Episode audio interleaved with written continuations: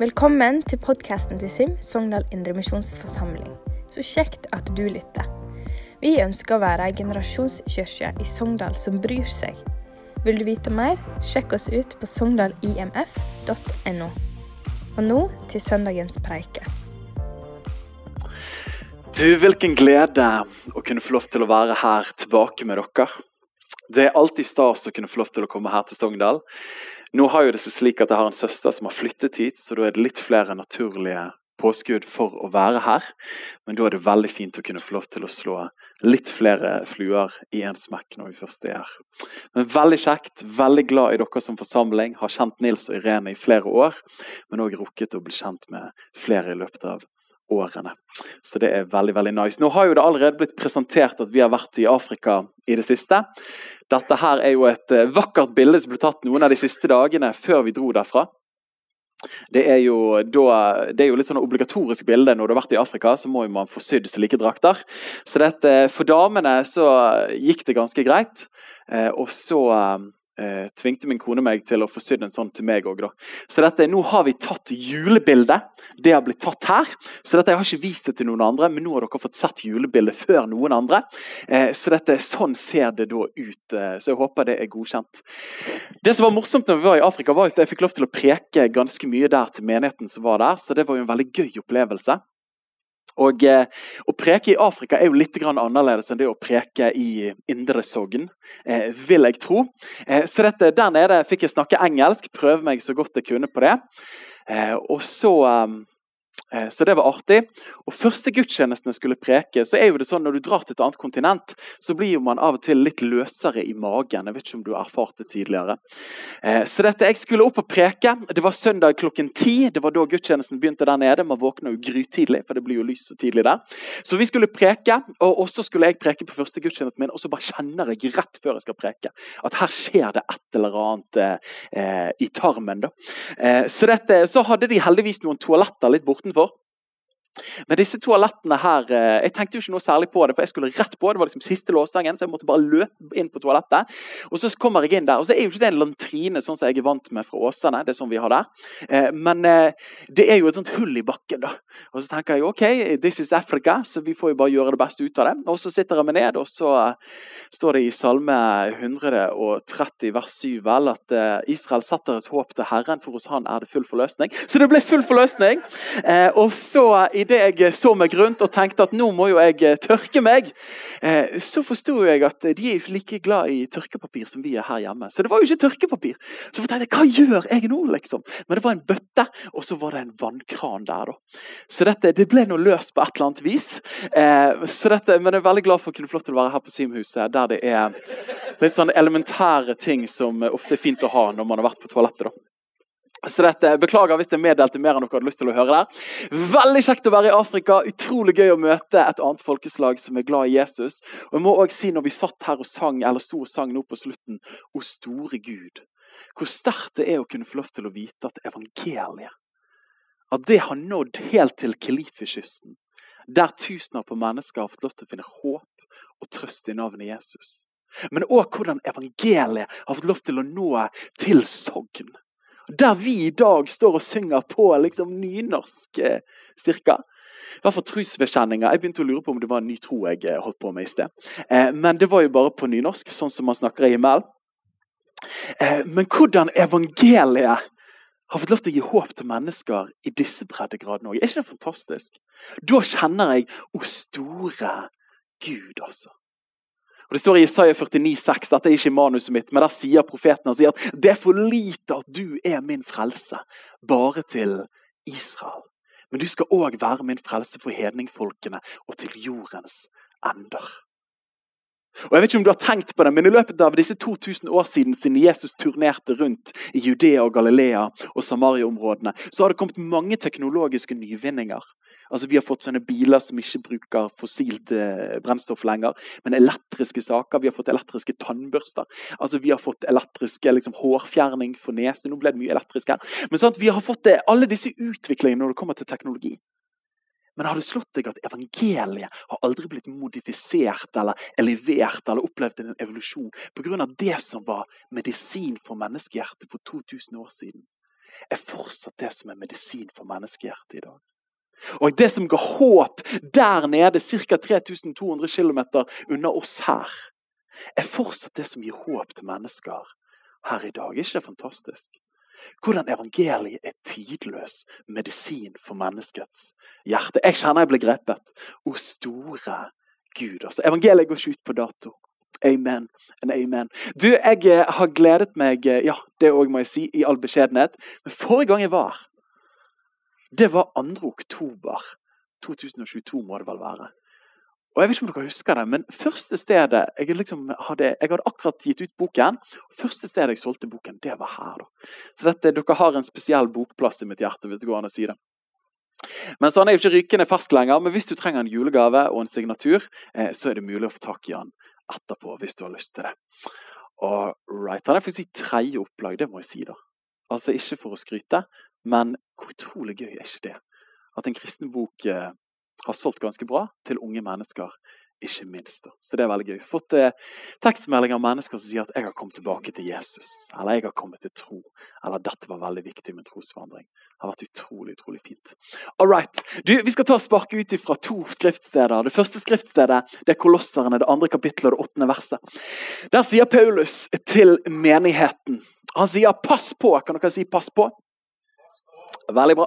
Pass på at ingen får fange dere med visdomslære og tomt bedrag, som stammer fra menneskelige overleveringer, som er en oversettelse sier, fra menneskelige tradisjoner, fra grunnkreftene i verden, det er fra en som begynner på D og slutter på evel, og ikke fra Kristus. Og Dette talte han da til menigheten i Kolosseum, som var utsatt for ulik vranglære i den konteksten de bodde i. Men disse ordene her har jeg lyst til å påstå vel så mye kunne Paulus talt til oss som lever i dag. ikke sant? Før smarttelefoner, før sosiale medier, ja, før TikTok, så sa han dette til de kristne. Folkens, dere må passe på at ingen får fange dere med det som er såkalt visdomslære eller filosofi, som 88-oversettelsen sier som et tomt bedrag som stammer fra menneskelige tradisjoner og franske filosofer og grunnkreftene i verden, og ikke fra Kristus. Ganske alvorlige ord, ikke sant? Videre så sier han til Timoteus, sin lærling i det annet siste brevet Paulus forfatter som vi har i vår nytestamentlige kanon, så sier han gi nøye akt på deg selv, eller med andre ord, pass nøye på deg sjøl, måten du lever på, men òg læren, hva du tror. For det at Ja, er det betydelig å gjøre det? Er det viktig å gjøre det? Ja, for det fortsett med det. For når du gjør det, passer på måten du lever på, men òg hva du tror, så skal du frelse både deg selv og dem som hører deg. Og Det er jo ikke så ofte vi hører snakk om sånne ting som dette her, viktigheten av å lære troen, men det er akkurat det jeg har lyst til å snakke med dere om i dag viktigheten av å lære troen. Av å kjenne den bedre historien. Av og til når jeg er i samtale med mennesker, så sier jeg jeg tror på en bedre historie. Og De kan jo synes at det er litt sånn cocky når vi kristne kommer der. cocky, Det er jo godt bergensk for liksom, litt sånn høy på strå.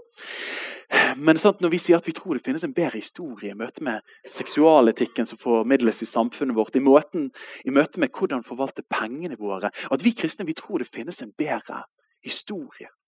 Og Min erfaring som kristen og vokst opp på 2000-tallet og jeg tipper at er erfaringen til mange av dere, er at av og til når vi er innenfor kirkens fire vegger, så kan frimodigheten være ganske stor når det kommer til Jeg tror på Jesus, liksom. Jesus spør om du er tøff nok. Og bare sånn, ja, jeg heiser flagg for Jesus, og det er god stemning. Men idet vi kommer liksom på arbeidsplassen, og noen begynner å snakke om ja, jeg bare tenker at det er skikkelig bra til helgen, for da skal jeg ut, og så er det tut og kjør, liksom. Så sitter du bare sånn Det er ikke bra, det du sier der, men jeg tør ikke å si noe. Og jeg har lyst til, hvis jeg får lov til i dag, å kunne besmitte oss med at det evangeliet som vi har blitt betrodd, er en bedre historie. Ikke bare når det kommer til vår sjels frelse i evigheten, men vi tror at Guds visdom for menneskelivet er faktisk en bedre vei på alle områder av livet enn det som forfektes gjennom mye av det vi blir utsatt for hver eneste dag. Så jeg har lyst til å snakke om lær troen. Er du med meg? Bra. I Afrika så varte jo gjerne møtene sånn seks timer og sånt. Eh, Men jeg skal se om jeg har klart å avlære meg akkurat det. Så at de spiser under møtet, og det er god stemning. Og så skal pastoren opp og henge ut noen i forsamlingen for at de ikke har gitt så mye. det er helt topp. Um, uansett, så tenkte vi skulle ta det med til Bergen. Men hvor mange her inne er det som vokste opp i kristen forsamling? Er det en del? Ganske mange. Jeg har vokst opp i, i kristen menighetsliv. og Så lenge jeg kan huske, så har jeg vært del av et menighetsfellesskap. Og veldig takknemlig for det. Og Når jeg ser tilbake på min oppvekst, så har jeg utrolig mange gode minner. Jeg husker vi rømte fra søndagsskolen, husker jeg annet. Eh, jeg husker at eh, vi gikk i fryseren i kirken og stjal kirkekaffe. Jeg eh, husker at vi dro på leir, og det var utrolig stas. Og jeg husker lørdagskveld på leir, som mange av dere husker. Nei, ikke det sterke møtet, men underholdningskveld. Fortsatt traumer etter alle de dårlige sketsjene og innslagene. Jeg har vært med på utrolig mye artig. Vi har pranket ledere, vi har smurt Nugatti ut på doringer. Vi har gjort så mye festlig i det kristne fellesskapet. Jeg er sikker på at du har dine historier òg. Og sikkert flere av dere har vært på Lyngmo og gjort ting som, eh, som var gøy den gangen, og gøy å tenke tilbake på i dag. Og mer enn det òg, av de trivielle gledene, så har jeg i det kristne fellesskapet funnet mine nærmeste venner. De som betyr mest for meg i min verden i dag. Og òg vært veldig heldig å få lov til å bli kjent med mine talenter og mine gaver. Husker Som ganske ung seks-syvåring så kom det en til meg og sa 'Daniel, spiller du trommer?' Og jeg hadde jo akkurat begynt på kulturskole. vet du. Jeg var jo et uh, talent. Nei, det var jeg på ingen måte. Men han hadde fått med seg at jeg spilte trommer, så han slapp meg til på trommesettet. Han burde jo aldri gjort det. Men jeg fikk lov til å øve meg på talentene mine ganske tidlig. Og i det kristne fellesskapet så fant jeg hun som skulle bli min kone. Jeg spurte hun i syvende om hun ville bli min kjæreste. Da sa hun nei, men med noen år så åpnet Herren øynene hennes. Eh, så vi har tre barn i dag. Så veldig glad for det.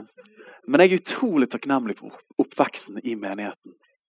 Men hvis det er én ting jeg ser tilbake på som er noe av det vondeste, så er det de som jeg en gang vandret sammen med, og som fulgte Jesus med. Men som i dag av ulike årsaker ikke følger Jesus lenger.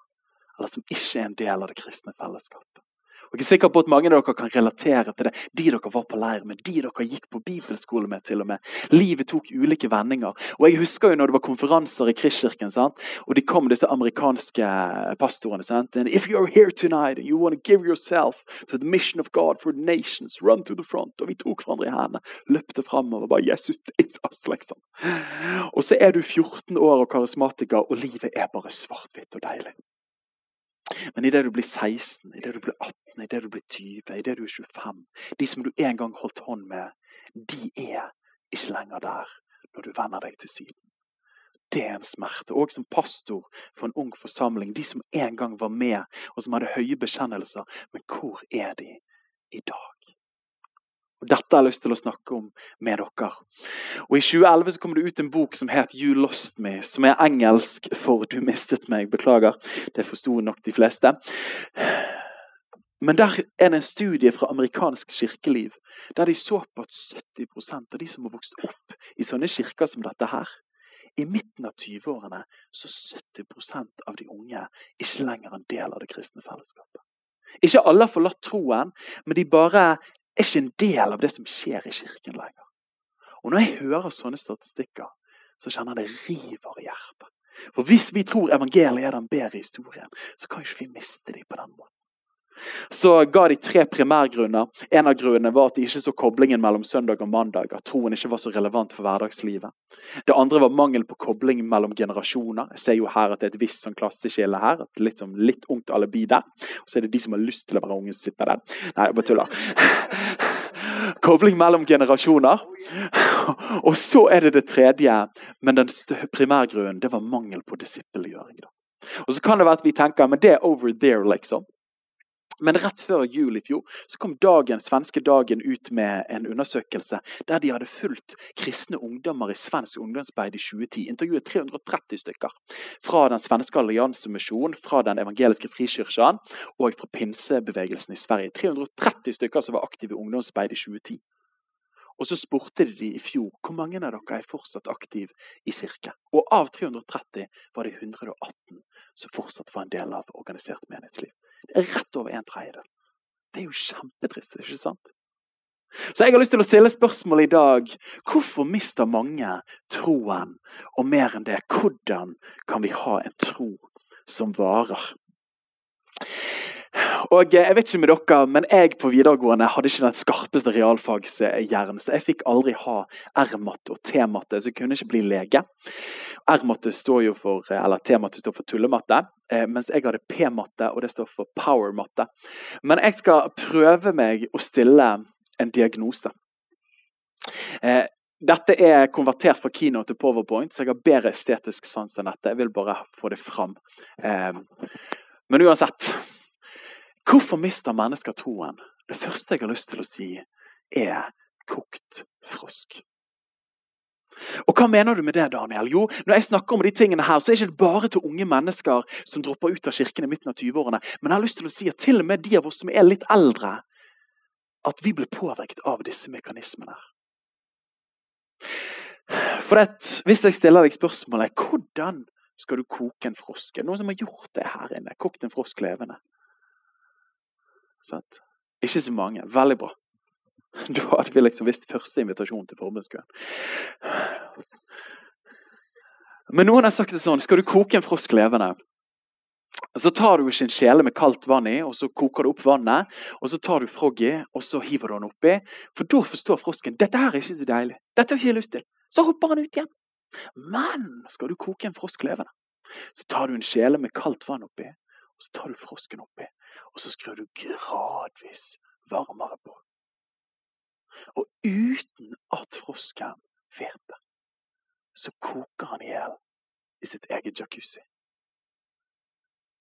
Og så tenker du herlighet, er det mulig å være så dum som det? Og så kan vi tenke det. Men jeg tror dessverre at dette her er en diagnose som kan stilles på veldig mange av dagens unge, men òg mange voksne etterfølger av Jesus Kristus. Og Derfor var det Paulus sa. Han sa 'pass på at ingen får fange dere med visdomslære og med tomt bedrag' etter grunnkreftene i verden, etter menneskelige tradisjoner, men ikke etter Kristus. For han visste det, at hvis det plutselig kommer en foran deg og sier 'Hei, du, du må bare slutte å tro på Jesus', da bare våkner alle søndagsskoleninjaene inni deg og bare sier 'Ikke kjans, liksom! Vik bak meg, Satan!' For det blir litt for åpenbart. Men hvis det skrues litt sånn gradvis oppover, ja, men er det så nøye med akkurat å tro på det? Ja, Er det så nøye med å, å leve sjenerøst med pengene der? Ja, Er det så viktig å være en del av det kristne fellesskapet? Kan ikke vi bare droppe gudstjenester innimellom? Og så er det de små gradendringene underveis. Ser du det? Som på sikt gjør at troen kommer mer på avstand. Dette tror jeg er en av hoveddiagnosen til hvorfor mange mennesker mister troen. Pga. trykket fra utsiden er så intens og heftig. At hvis ikke du er det bevisst, så blir du påvirket mer enn du tror. Jeg kommer jo fra den vakre bydelen i Bergen som heter Åsane. Og vi er jo kjent for to ting. Vi er jo kjent for Ikea, der dere drar når dere skal fjonge opp huset, og E39. Og snart en menighet som heter Persen Åsane. Men det var noen som kom til en som bodde langs en motorvei. og Så spurte de henne, sa de, blir du, blir du påvirket av å bo langs motorveien. Så sa han nei. Og det tror jeg ofte er oss. da. Ja, Blir du påvirket av den moralen eller den etikken som er rundt deg? På ingen måte. Men er du sikker på det, du? Jeg vet ikke om du vet det, men vi utsettes, denne generasjonen her, vi er prøvekaniner når det kommer til inntrykk. For aldri før har vi hatt disse smarttelefonene og disse sosiale mediene som peprer oss med mer informasjon enn vi noen gang har fått i vårt liv. Og det var En studie som var gjort fra universitetet i San Diego som fant at hver dag ble vi utsatt for 34 gigabyte med informasjon. Jeg vet ikke hvordan de klarte å måle det. Jeg tror de tok en USB-pinne inn i øren på en fyr. Men uansett, de målte 34 gigabyte. Så kan det være at du tenker men dette her er jo ikke så veldig mye. 34 gigabyte. Datamaskinen min har jo 512 gigabyte minne. Ja, men hvis du tenker hver eneste dag, så er jo det ganske mye. I løpet av en uke er jo nok til å overbelaste de fleste laptoper. Poenget er at vi utsettes for vanvittige mengder inntrykk. Og De sier det at, eh, at i løpet av én uke i dag får vi mer informasjon enn det en person fikk i løpet av et år bare for 60 år siden på landsbygden. Altså Det er bare intenst med beskjeder som møter oss hver eneste dag. Da. Og så kan vi av og til tenke at disse beskjedene her, det er jo bare helt nøytralt. Liksom. Jeg blir ikke påvirket av det. Men mine venner, alt vi utsetter oss for, er med å utforme livene våre. Ikke sant? Og alt vi har fokus på, vil forme oss i noe grad. Og jeg husker et av de første bibelversene min mor lærte meg. Det var ordspråkene 423. Noen som vet hva som står der? Det måtte være en mamma som sa det. Veldig bra. Det husker jeg. Mamma er jo fra Førde. Så Jeg husker jeg, jeg var jo streng beskjed om å ikke se på skytefilmer, sånn Rambo, First Blood og sånne ting. Så jeg husker jo at jeg prøvde å ikke se på det når hun var der. Eh, men av og til så satt jeg og så på det, og så kunne mamma komme inn. vet du. Alltid, Hvis du opplever det, at du gjør noe som du egentlig ikke vet de liker, det er alltid litt kjipt. Men så kom hun inn og så tenkte jeg, ok, nå blir hun sint. Og en sint forelder, da kan du skyte tilbake igjen. Men en sorgfull mor, det er jo sjakkmatt. Så kunne hun se på skjermen, og så kunne hun se på meg. Daniel, hvordan skal det gå med deg? Bevar hjertet ditt framfor til bevare, for livet går ut ifra da.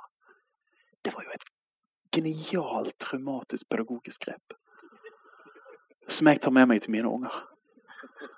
Jeg kom jo i syndenød. Men hun lærte meg en veldig viktig ting der. At det jeg utsetter meg for, vil utforme livet mitt i det lange løpet. Og at mitt fokus i dag vil forme meg i morgen. Så hvorfor mister mennesker troen? Jo, på grunn av at jeg tror vi utsettes for vanvittig mange stemmer der ute som preger oss mer enn vi tror. Og Dette handler ikke om at man forlater troen, men jeg har faktisk lyst til å påstå at mange av oss som har vokst opp i kirke og fortsatt går på søndagsmøter, at lidenskapen for Jesus, hungeren etter å lese Guds ord og være et vitne, at den blir demmet ned av alle de andre idealene og stemmene rundt. ikke sant? Og jeg kjenner at det koster når naboen min snakker om sine trivielle ting, og så skal jeg plutselig liksom ta opp israelsflagget og bare si shalom. liksom, sant? Nå sier jeg ikke at du skal gjøre det, men liksom Jeg kjenner det koster. På grunn av at jeg er så temperert til det som finner sted rundt meg. da. Og Du har sikkert vært på møter før og hørt predikanten lese Romerne 10, 17 for deg. Der står jo det, særlig på litt sånn trosvogn, så kommer troen av det en hører. Og det en hører, kommer fra Guds ord. Og vi bare tenker amen, liksom. Men det er vel så sant at din tro blir påvirket av det du hører. Men det er ikke bare Guds ord vi hører. Og Det har vært noe av min sorg i møte med kristne ungdommer. At de går på ungdomsmøte på fredager og får 20 minutter med litt sånn Jesus.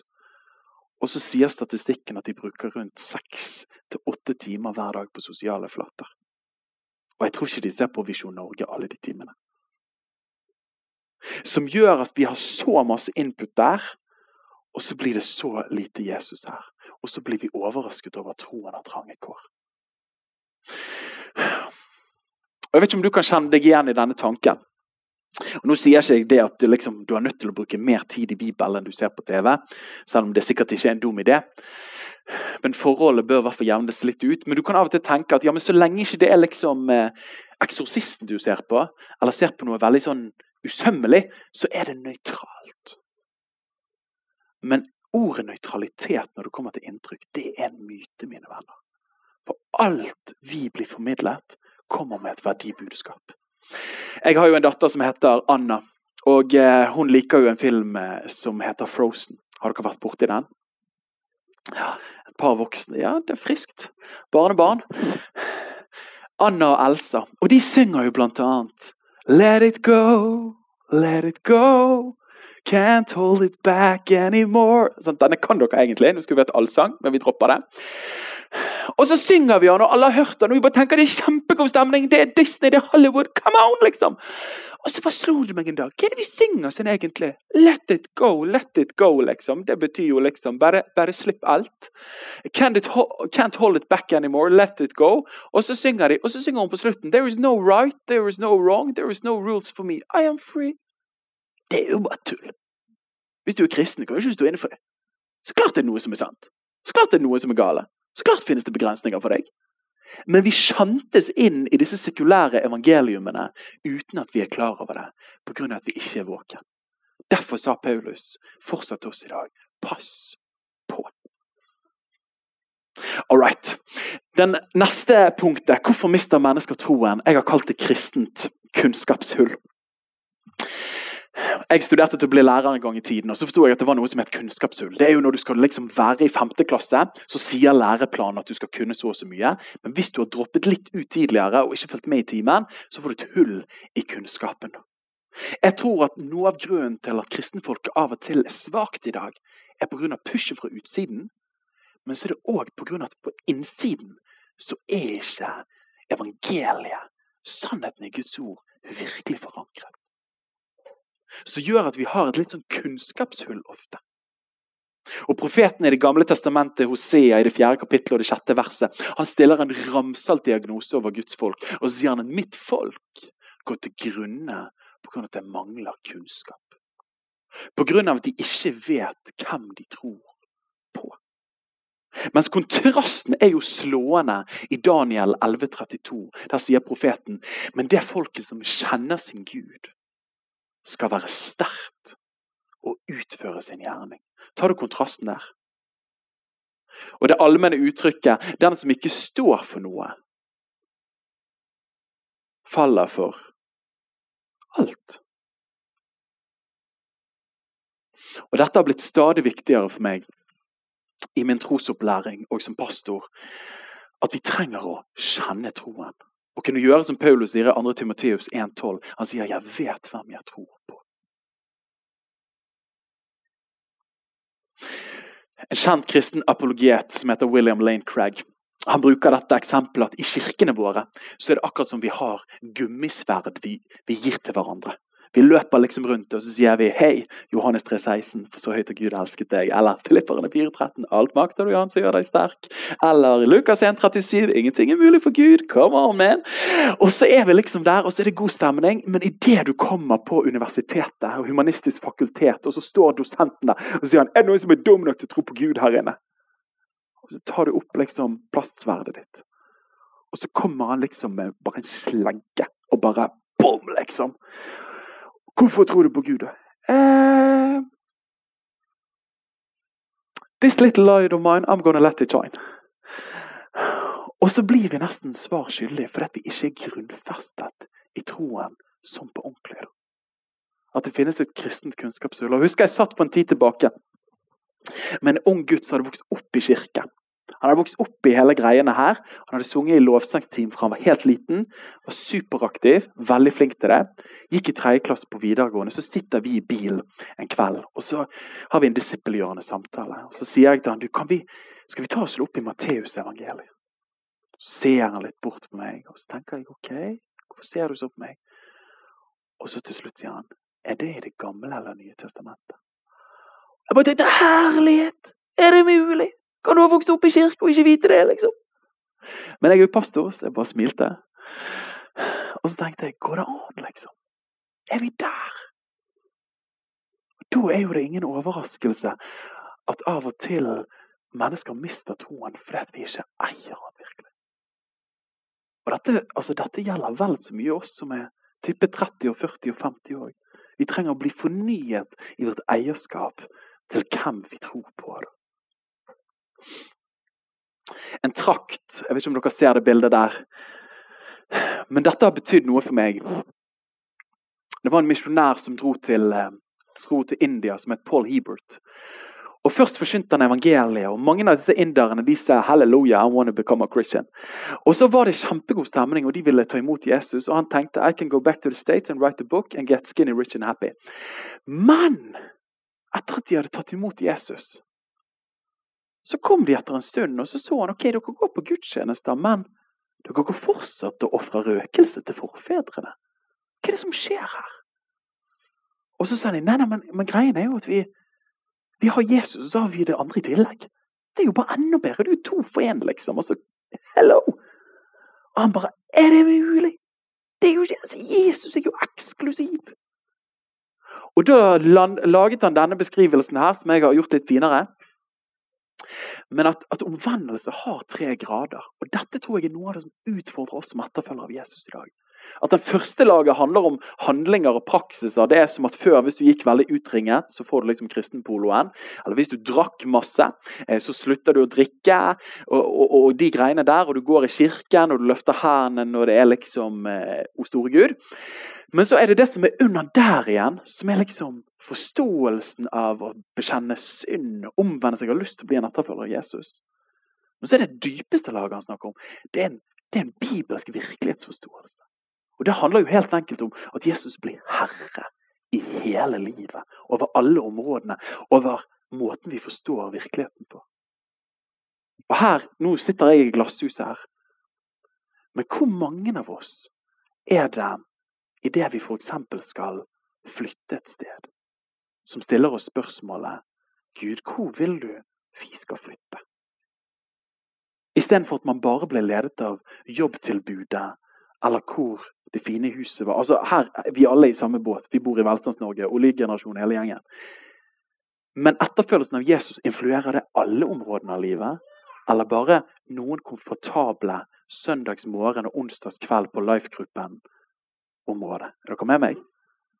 Her trenger vi å la korset utfordre oss på alle områder. Så det tror jeg er en av grunnene til at mange mister troen, er pga. at etterfølgelsen av Jesus ligger grunt og ikke på det dypeste planet. Men hva er da nøkkel? Nok en gang. Slidene forandret seg litt. Men jeg tror medisin på dette her, det som jeg kanskje ville kalt katekisme, men en bedre historie. Av å bli flytende i evangeliet. Og som Paulus sa til Timoteus, gi nøye akt på deg selv og på læreren. Vit hvem du tror på. For det at når du gjør det, så skal du frelse både deg sjøl og de som hører deg. Det er jo et heftig løfte, da. Jeg tåler dere litt til? Det går bra? Så bra. Nå har jo jeg allerede tøyset litt eh, med, med litt sånn lettvekten av, av trosopplæringen som vi av og til blir utsatt for. Men katekisme, når jeg sier det ordet der, er det mange som kjenner på glede og, og liksom Kjenner de blir glad når de hører det? Eller er det sånn man kjenner liksom posttraumatisk stress? Men katekisme og katekismetradisjon det er, betyr jo helt enkelt bare undervisning.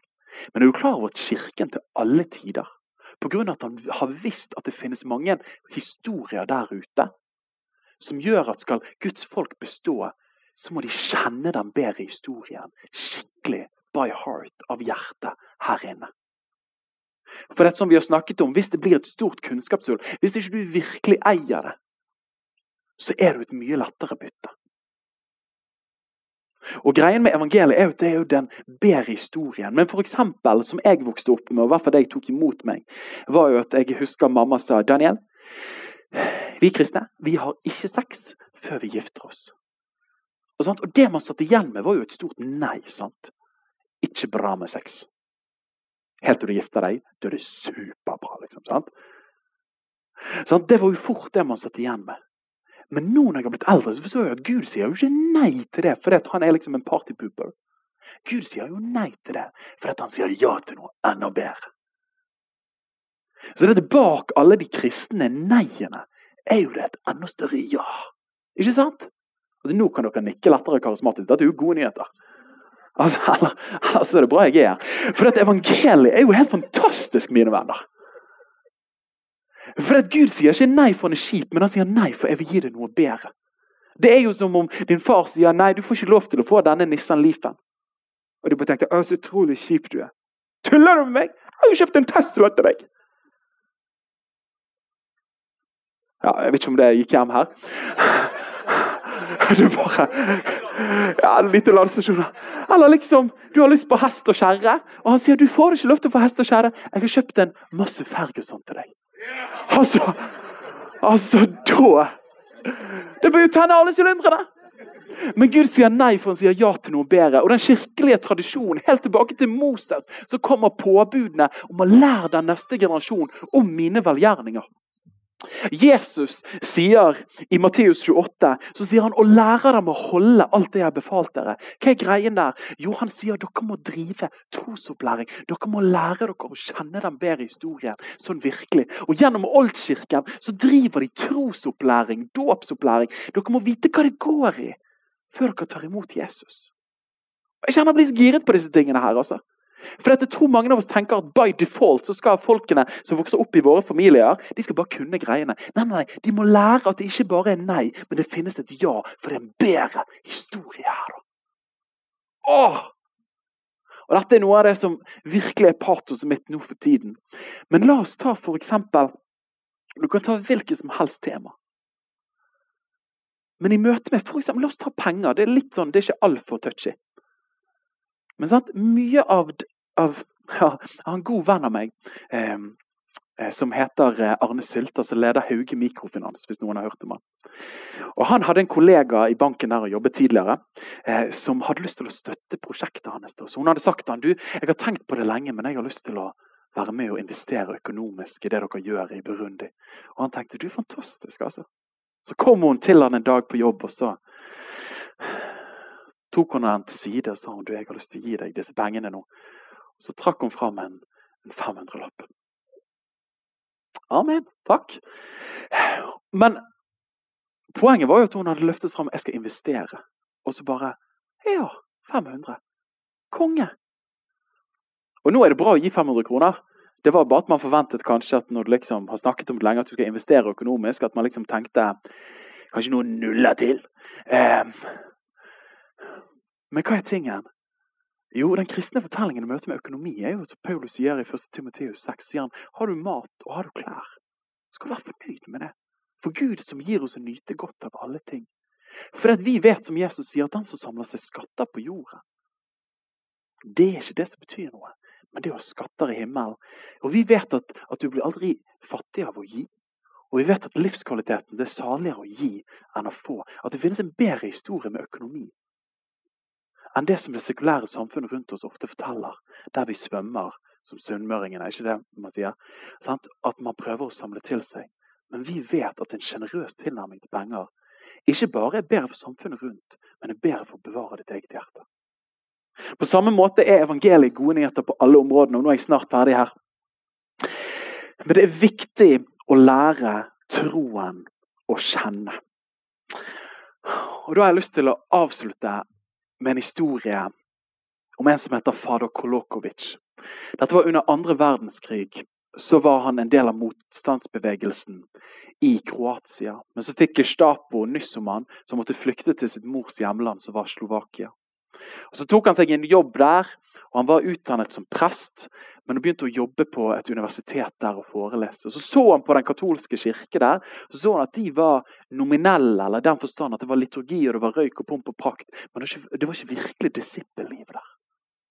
Og Så forsto han det at Gestapo og den tyske stridsmakten de er på vei tilbake snart. Men da kommer den røde bølge fra øst, som er bare en ny type av totalitarisme. Og Han forsto at hvis ikke Kirken virkelig lærer troen å kjenne, så vil de bli et lett bytte fra den makt som kommer fra øst. Så da begynte han å forberede kirken i Slovakia med tre stikkord. De begynte å møtes i små disippelgrupper på universitetene til å begynne med. Men så spredte det seg utover hele landet. Og det var se, tenk, lev. Og hva betydde det for noe? Jo, det betydde at de skulle være midt i den tiden de levde i. Midt i fortellingene som ble formidlet. De skulle se, de skulle være til stede. Men så skulle ikke de sluke det rått. Men de, etter at de levde i sin tid, så skulle de tenke hva sier den kristne læreren om disse tingene her? Og etter at de hadde gjort det, det kristne regnestykket, så skulle de leve ut den bedre historien på en annen måte. Tok, tok dere den der?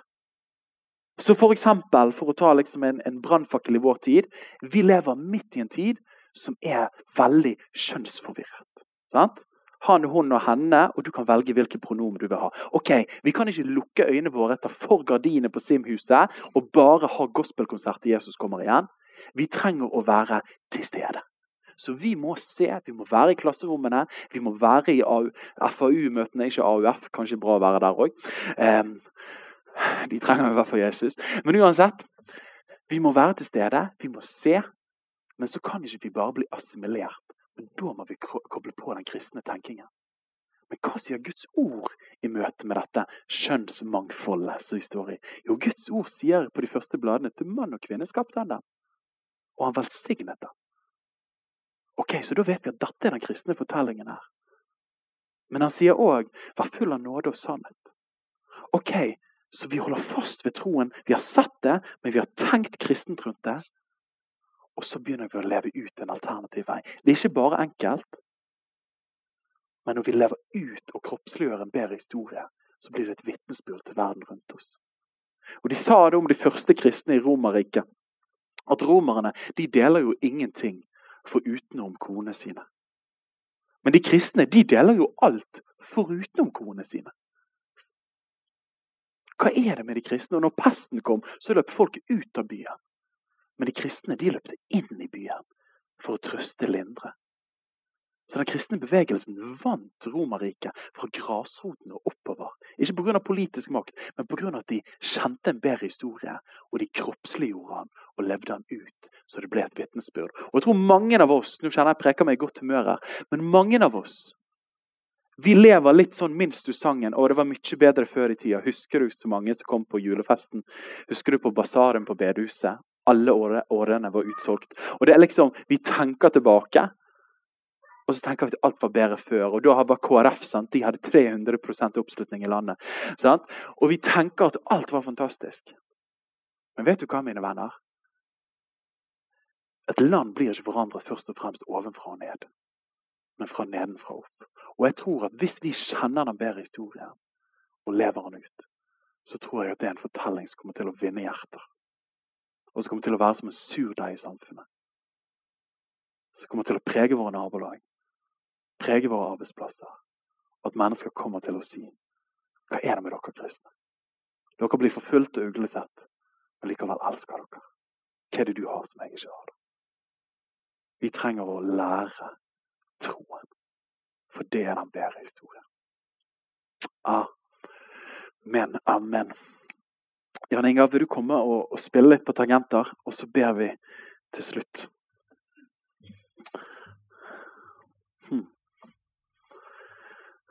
skal vi ta og be sammen. Ehm, bare mens jeg forberedte meg her i dag, eh, så kom det noen tanker til meg. Så kanskje det er noen her inne. Men jeg lurer på om det er noen her inne som, som har en hjertetilstand eller hjerteproblemer. var det som kom til meg. Eh, og Jeg vet ikke om det har vært noe kanskje i det siste som har kommet. Jeg har veldig lyst til å be for deg hvis det er deg. Eh, og så var det òg en tanke som kom, og det jeg lurer på om noen har et barn her inne. Åpenbart mange har et barn her, men et barn som sliter, og som har det vanskelig. Og du trenger bare ny kraft til å stå sammen med ditt barn. Så den tredje tingen jeg kjente på, var noen opplever at uh, Jeg kjente på det, det å miste jobben. Hvis det er noen som er i en fase der du går utrygg tid i møte med din jobb, så har Gud lyst til å forsikre deg og si at uh, Salme 32, 8 fikk jeg. At han vil gi deg råd med sitt øye. Og han har noe for deg. Selv om ikke du ser så langt, så ser han så langt. Men hvis det er deg, så har lyst til å ta og be for deg. Skal vi ta og reise oss sammen som Guds menighet? Vi har en bedre historie. Er du enig, så kan du få si amen. Vi har en bedre historie som leder til et bedre liv i dag og et evig liv i morgen. Og Vi trenger å bli flytende i denne historien. her. Først eieren på innsiden med stor frimodighet. Så vi kan si 'jeg vet hvem jeg tror på', og jeg skammer meg ikke over evangeliet, for det er en bedre historie. Åh, så jeg ber Helligånd, vil du komme akkurat nå? Vi takker deg for evangeliet takker deg, Jesus, for at du døde for våre synder. og du oppsto til vår rettferdiggjørelse. Men jeg takker deg òg, Herre, for at i deg, Kristus, er alle visdommens og kunnskapens skatter skjult til stede. Som betyr at visdommen for det beste ekteskapet finnes i deg. Kunnskapen til den beste forelderrollen finnes i deg, Herre. Ja, Herre, veiledningen til ut fra traumer fra barndom. Herre, ingen slår deg, Jesus. Du, Helligånd, på det. Tilbake fra utbrenthet. Ingen slår deg, Helligånd. All visdom finnes i deg, og jeg ber deg, far. Jeg har lyst til å be for forsamlingen her i Sogn. Herre, vil du pumpe våre hjerter full med en sånn hellig freidighet og frimodighet på evangeliets vegne. Ja. Og Jeg ber om at vi skal få lov til å se, Herre, i menigheten her, tiden framover, at naboer, arbeidskollegaer, mennesker i vårt lokalsamfunn så begynner å få nyss om denne fortellingen og som har lyst til å følge deg, Jesus. Det ber vi om, ja. I navnet Jesus Kristus. Amen. Amen. Tusen takk for at du lytta til podkasten vår. Håper budskapet har gjort dagen din litt rikere. Må Gud velsigne deg akkurat der du er. Ønsker deg ei god, fin uke.